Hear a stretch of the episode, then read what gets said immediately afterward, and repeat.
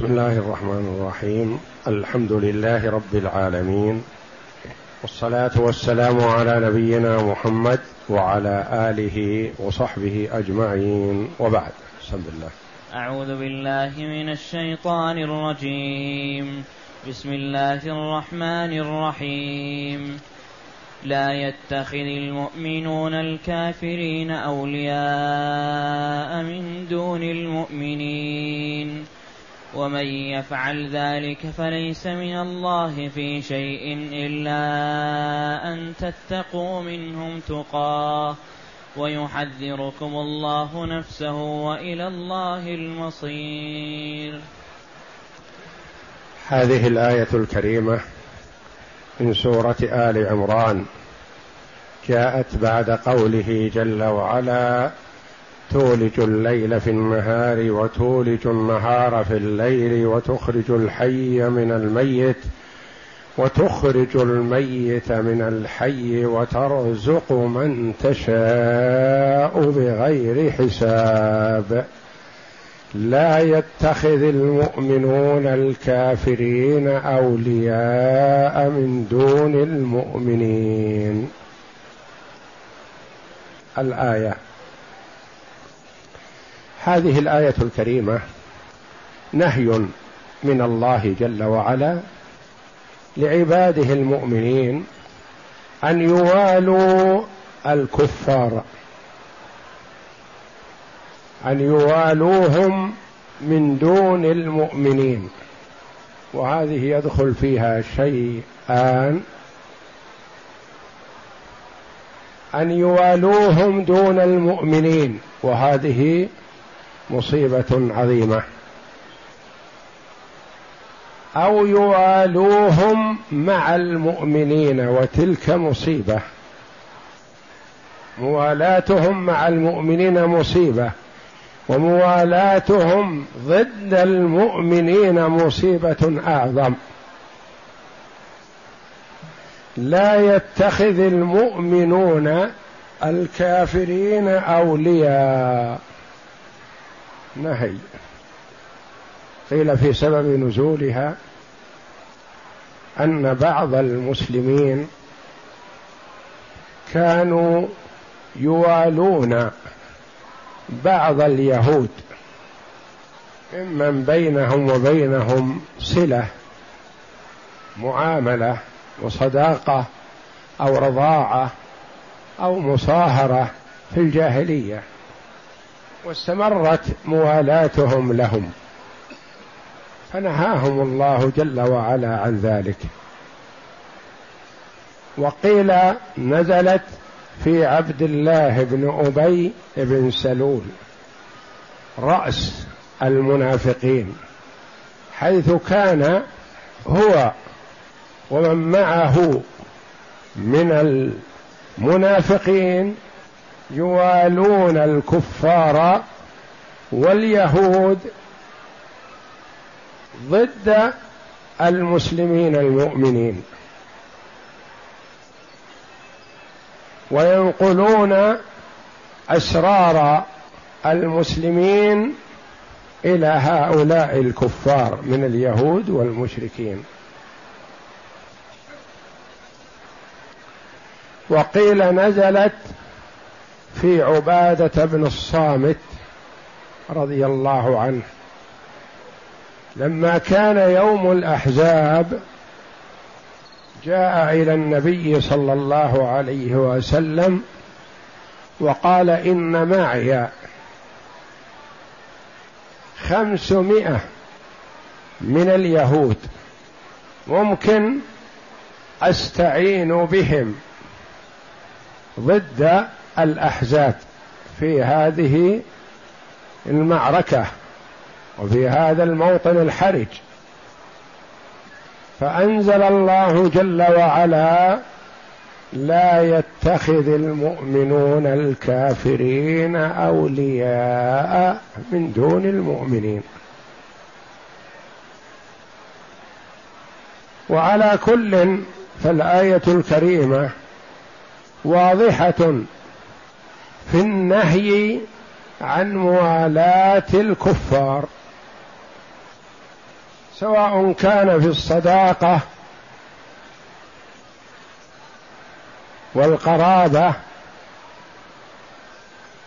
أو في الحلف الجاهلي وما قبله أو في الاستعانة بهم على قتال المؤمنين.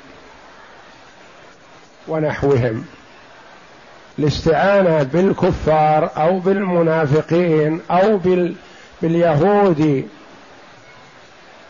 وغيرهم من الطوائف في القتال سواء كان القتال بين فئتين متناحرتين من المسلمين أو القتال بين المسلمين والكفار.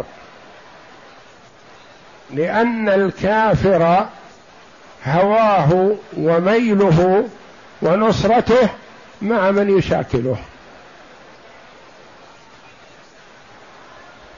فأنزل الله جل وعلا لا يتخذ المؤمنون الكافرين أولياء من دون المؤمنين بل يوالي المؤمنين ويعادي الكافرين. والآيات المشابهة لهذه الآية في القرآن العظيم كثيرة جدا. يا أيها الذين آمنوا لا تتخذوا عدوي وعدوكم أولياء تلقون إليهم بالمودة.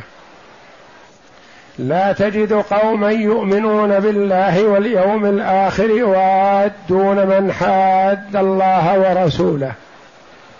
الآية والآيات كثيرة. ففيها النهي عن موالاه الكفار سواء كان ذلك مع موالاه المؤمنين أو بدونها. لا يتخذ المؤمنون فاعل. الكافرين أولياء. لأن اتخذ تنصب مفعولين المفعول الأول الكافرين والمفعول الثاني أولياء. من دون المؤمنين حالة كونهم من دون المؤمنين يتخذونهم ولاية ويتركون ولاية المؤمنين. ومن يفعل ذلك وعيد من الله جل وعلا فليس من الله في شيء. فالله بريء منه أو فهو بريء من الدين أو فهو خارج عن طاعة الله.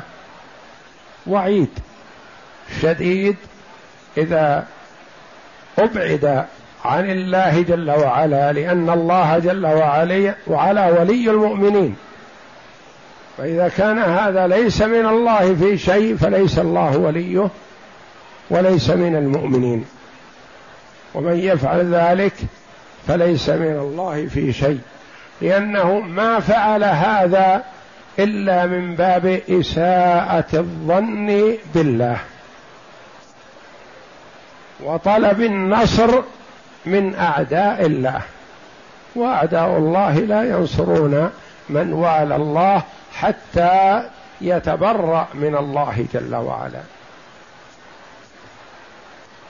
ومن يفعل ذلك فليس من الله في شيء إلا أن تتقوا منهم تقاه. رخصة. هذه رخصة وليست عزيمة. كما قال بعض العلماء رحمهم الله رخصة. رخص الله جل وعلا لعباده في الموالاة في الظاهر لا في الباطن. كما روي عن أبي ذر رضي الله عنه قال إنا لنكشر أو لا نتبسم في وجوه قوم وقلوبنا تلعنهم. يعني يجاملهم في الظاهر. مجاملة في الظاهر دون الباطن. إلا أن تتقوا منهم تقاه. يكون تخافون شرهم. وهم أقوى وأمكن منكم.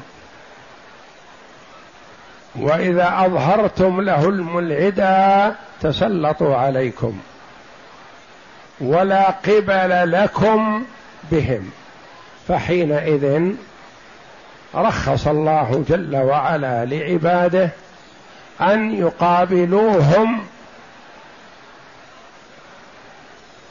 بإظهار الإلفة وليكن هذا باللسان فقط دون القلب. إلا من أكره وقلبه مطمئن بالإيمان. القلب لا يطلع عليه إلا الله. فإذا كان القلب يألفهم ويودهم فيأتي الوعيد في هذا في ختام الآية. وإذا كان القلب يكرههم ويبغضهم فالله جل وعلا عذر في إظهار المودة في اللسان فقط لئلا يتسلطوا على المؤمنين. كأن يكون مؤمن مع مجموعة كفار. ولو أظهر لهم العداء لقتلوه وفتكوا به. ولا قبل له بهم. فيظهر لهم المودة في الظاهر بحيث لا يتسلط على المؤمنين بقتل ولا يظهر على أسرار المؤمنين لأنه إذا أظهر وبين أسرارهم فقد خان الله ورسوله والمؤمنين. وإنما يظهر لهم المودة في اللسان بدون أن يكون منه مقابل ذلك فعل في اذى للمسلمين. وأن أو كأن يكون المسلمون في حالة ضعف. ويضطرون إلى مجاملة الكفار ظاهرا لأنهم لو أظهروا لهم العداء لتسلطوا عليهم ولا قبل لهم بهم. فرخص الله جل وعلا لهم في هذا إلا أن تتقوا منهم تقى تخافوا منهم شر فتظهر لهم المودة من باب التقية. في اللسان دون القلب. ويحذركم الله نفسه. وعيد لمن خالف أمر الله جل وعلا. أو ودهم ودهم في القلب وأحبهم وألفهم. فالله مطلع على ذلك. وإلى الله المصير. يحذركم الله عقابه وأنتم راجعون إليه صائرون إليه. لا محيد لكم ولا مفر من الله جل وعلا. لأن الإنسان في حال الدنيا قد يستطيع الفرار من عدو له أو مترصد له ونحو ذلك. وأما من الله جل وعلا فلا محيد ولا مفر والمرجع إليه. وهو إذا شاء عاقب عبده بما شاء. وإلى الله المصير المرجع والمآب.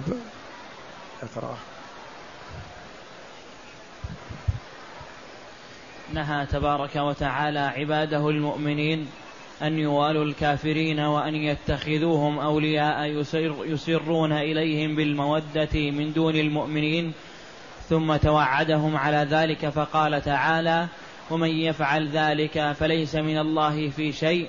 أي ومن يرتكب شيئا من ذلك فقد برئ من الله. كما قال تعالى يا أيها الذين آمنوا لا تتخذوا عدوي وعدوكم أولياء تلقون إليهم بالمودة. إلى أن قال تعالى ومن يفعله منكم فقد ضل سواء السبيل. وقال تعالى يا أيها الذين آمنوا لا تتخذوا الكافرين أولياء من دون المؤمنين أتريدون أن تجعلوا لله عليكم سلطانا مبينا؟ وقال تعالى يا أيها الذين آمنوا لا تتخذوا اليهود والنصارى أولياء بعضهم أولياء بعض ومن يتولهم منكم فإنه منهم الآية. وقول الله تعالى إلا أن تتقوا منهم تقاه أي إلا من خاف في بعض البلدان والأوقات من شرهم فله أن يتقيهم بظاهره لا بباطنه ونيته كما قال البخاري عن أبي الدرداء إنه قال إنا لنكشر في وجوه أقوام وقلوبنا تلعنهم. وقال الثوري قال ابن عباس رضي الله عنه لا يتخذ المؤمنون خطاب على سبيل الغيبة. وقال جل وعلا إلا أن تتقوا منهم تقاه خطاب للمخاطب. ذكر بعض العلماء الحكمة والله أعلم قال هناك لأنه لا يليق بالمؤمن أن يفعله فما خاطب عباده المؤمنين بذلك. قال لا يتخذ المؤمنون ما قال لا تتخذوا أيها المؤمنون قال لا يتخذ المؤمنون الكافرين أولياء من دون المؤمنين وتوعد من فعل ذلك بأنه ليس من الله في شيء. هذا شيء لا يحصل وإن حصل فمن حصل منه ليس من الله في شيء. ثم خاطب عباده المؤمنين بالرخصة التي رخص لهم فقال إلا أن تتقوا منهم تقاه ولم يقل جل وعلا إلا أن يتقوا منهم تقاه لأن هذا فيه رخصة وفيه لطف من الله جل وعلا فخاطب عباده المؤمنين على سبيل الخطاب إلا أن تتقوا منهم تقاه نعم. وقال الثوري قال ابن عباس رضي الله عنهما ليست التقية بالعمل وإنما التقية باللسان. ويؤي. التقية ليست في العمل يعني ما يجوز للإنسان أن يعمل لصالح الكفار ويقول هذه تقية. لا التقيا في اللسان الكلام معهم فقط لكن تخدمهم وتعمل لصالحهم وتتجسس لهم وتنقل الأخبار إليهم وتؤذي المؤمنين من أجلهم وتقول هذه تقيه لا ليست التقية بالعمل وإنما التقية في اللسان. ويؤيد ذلك قول الله تعالى من كفر بالله من بعد إيمانه إلا من أكره وقلبه مطمئن بالإيمان. الآية. ثم قال تعالى ويحذركم الله نفسه أي يحذركم نقمته في مخالفته وسطوته وعذابه لمن والى أعداءه وعاد أولياءه. ثم قال تعالى وإلى الله المصير أي إليه المرجع والمنقلب ليجازي كل عامل بعمله. والله أعلم وصلى الله وسلم وبارك على عبد ورسول نبينا محمد وعلى آله وصحبه أجمعين.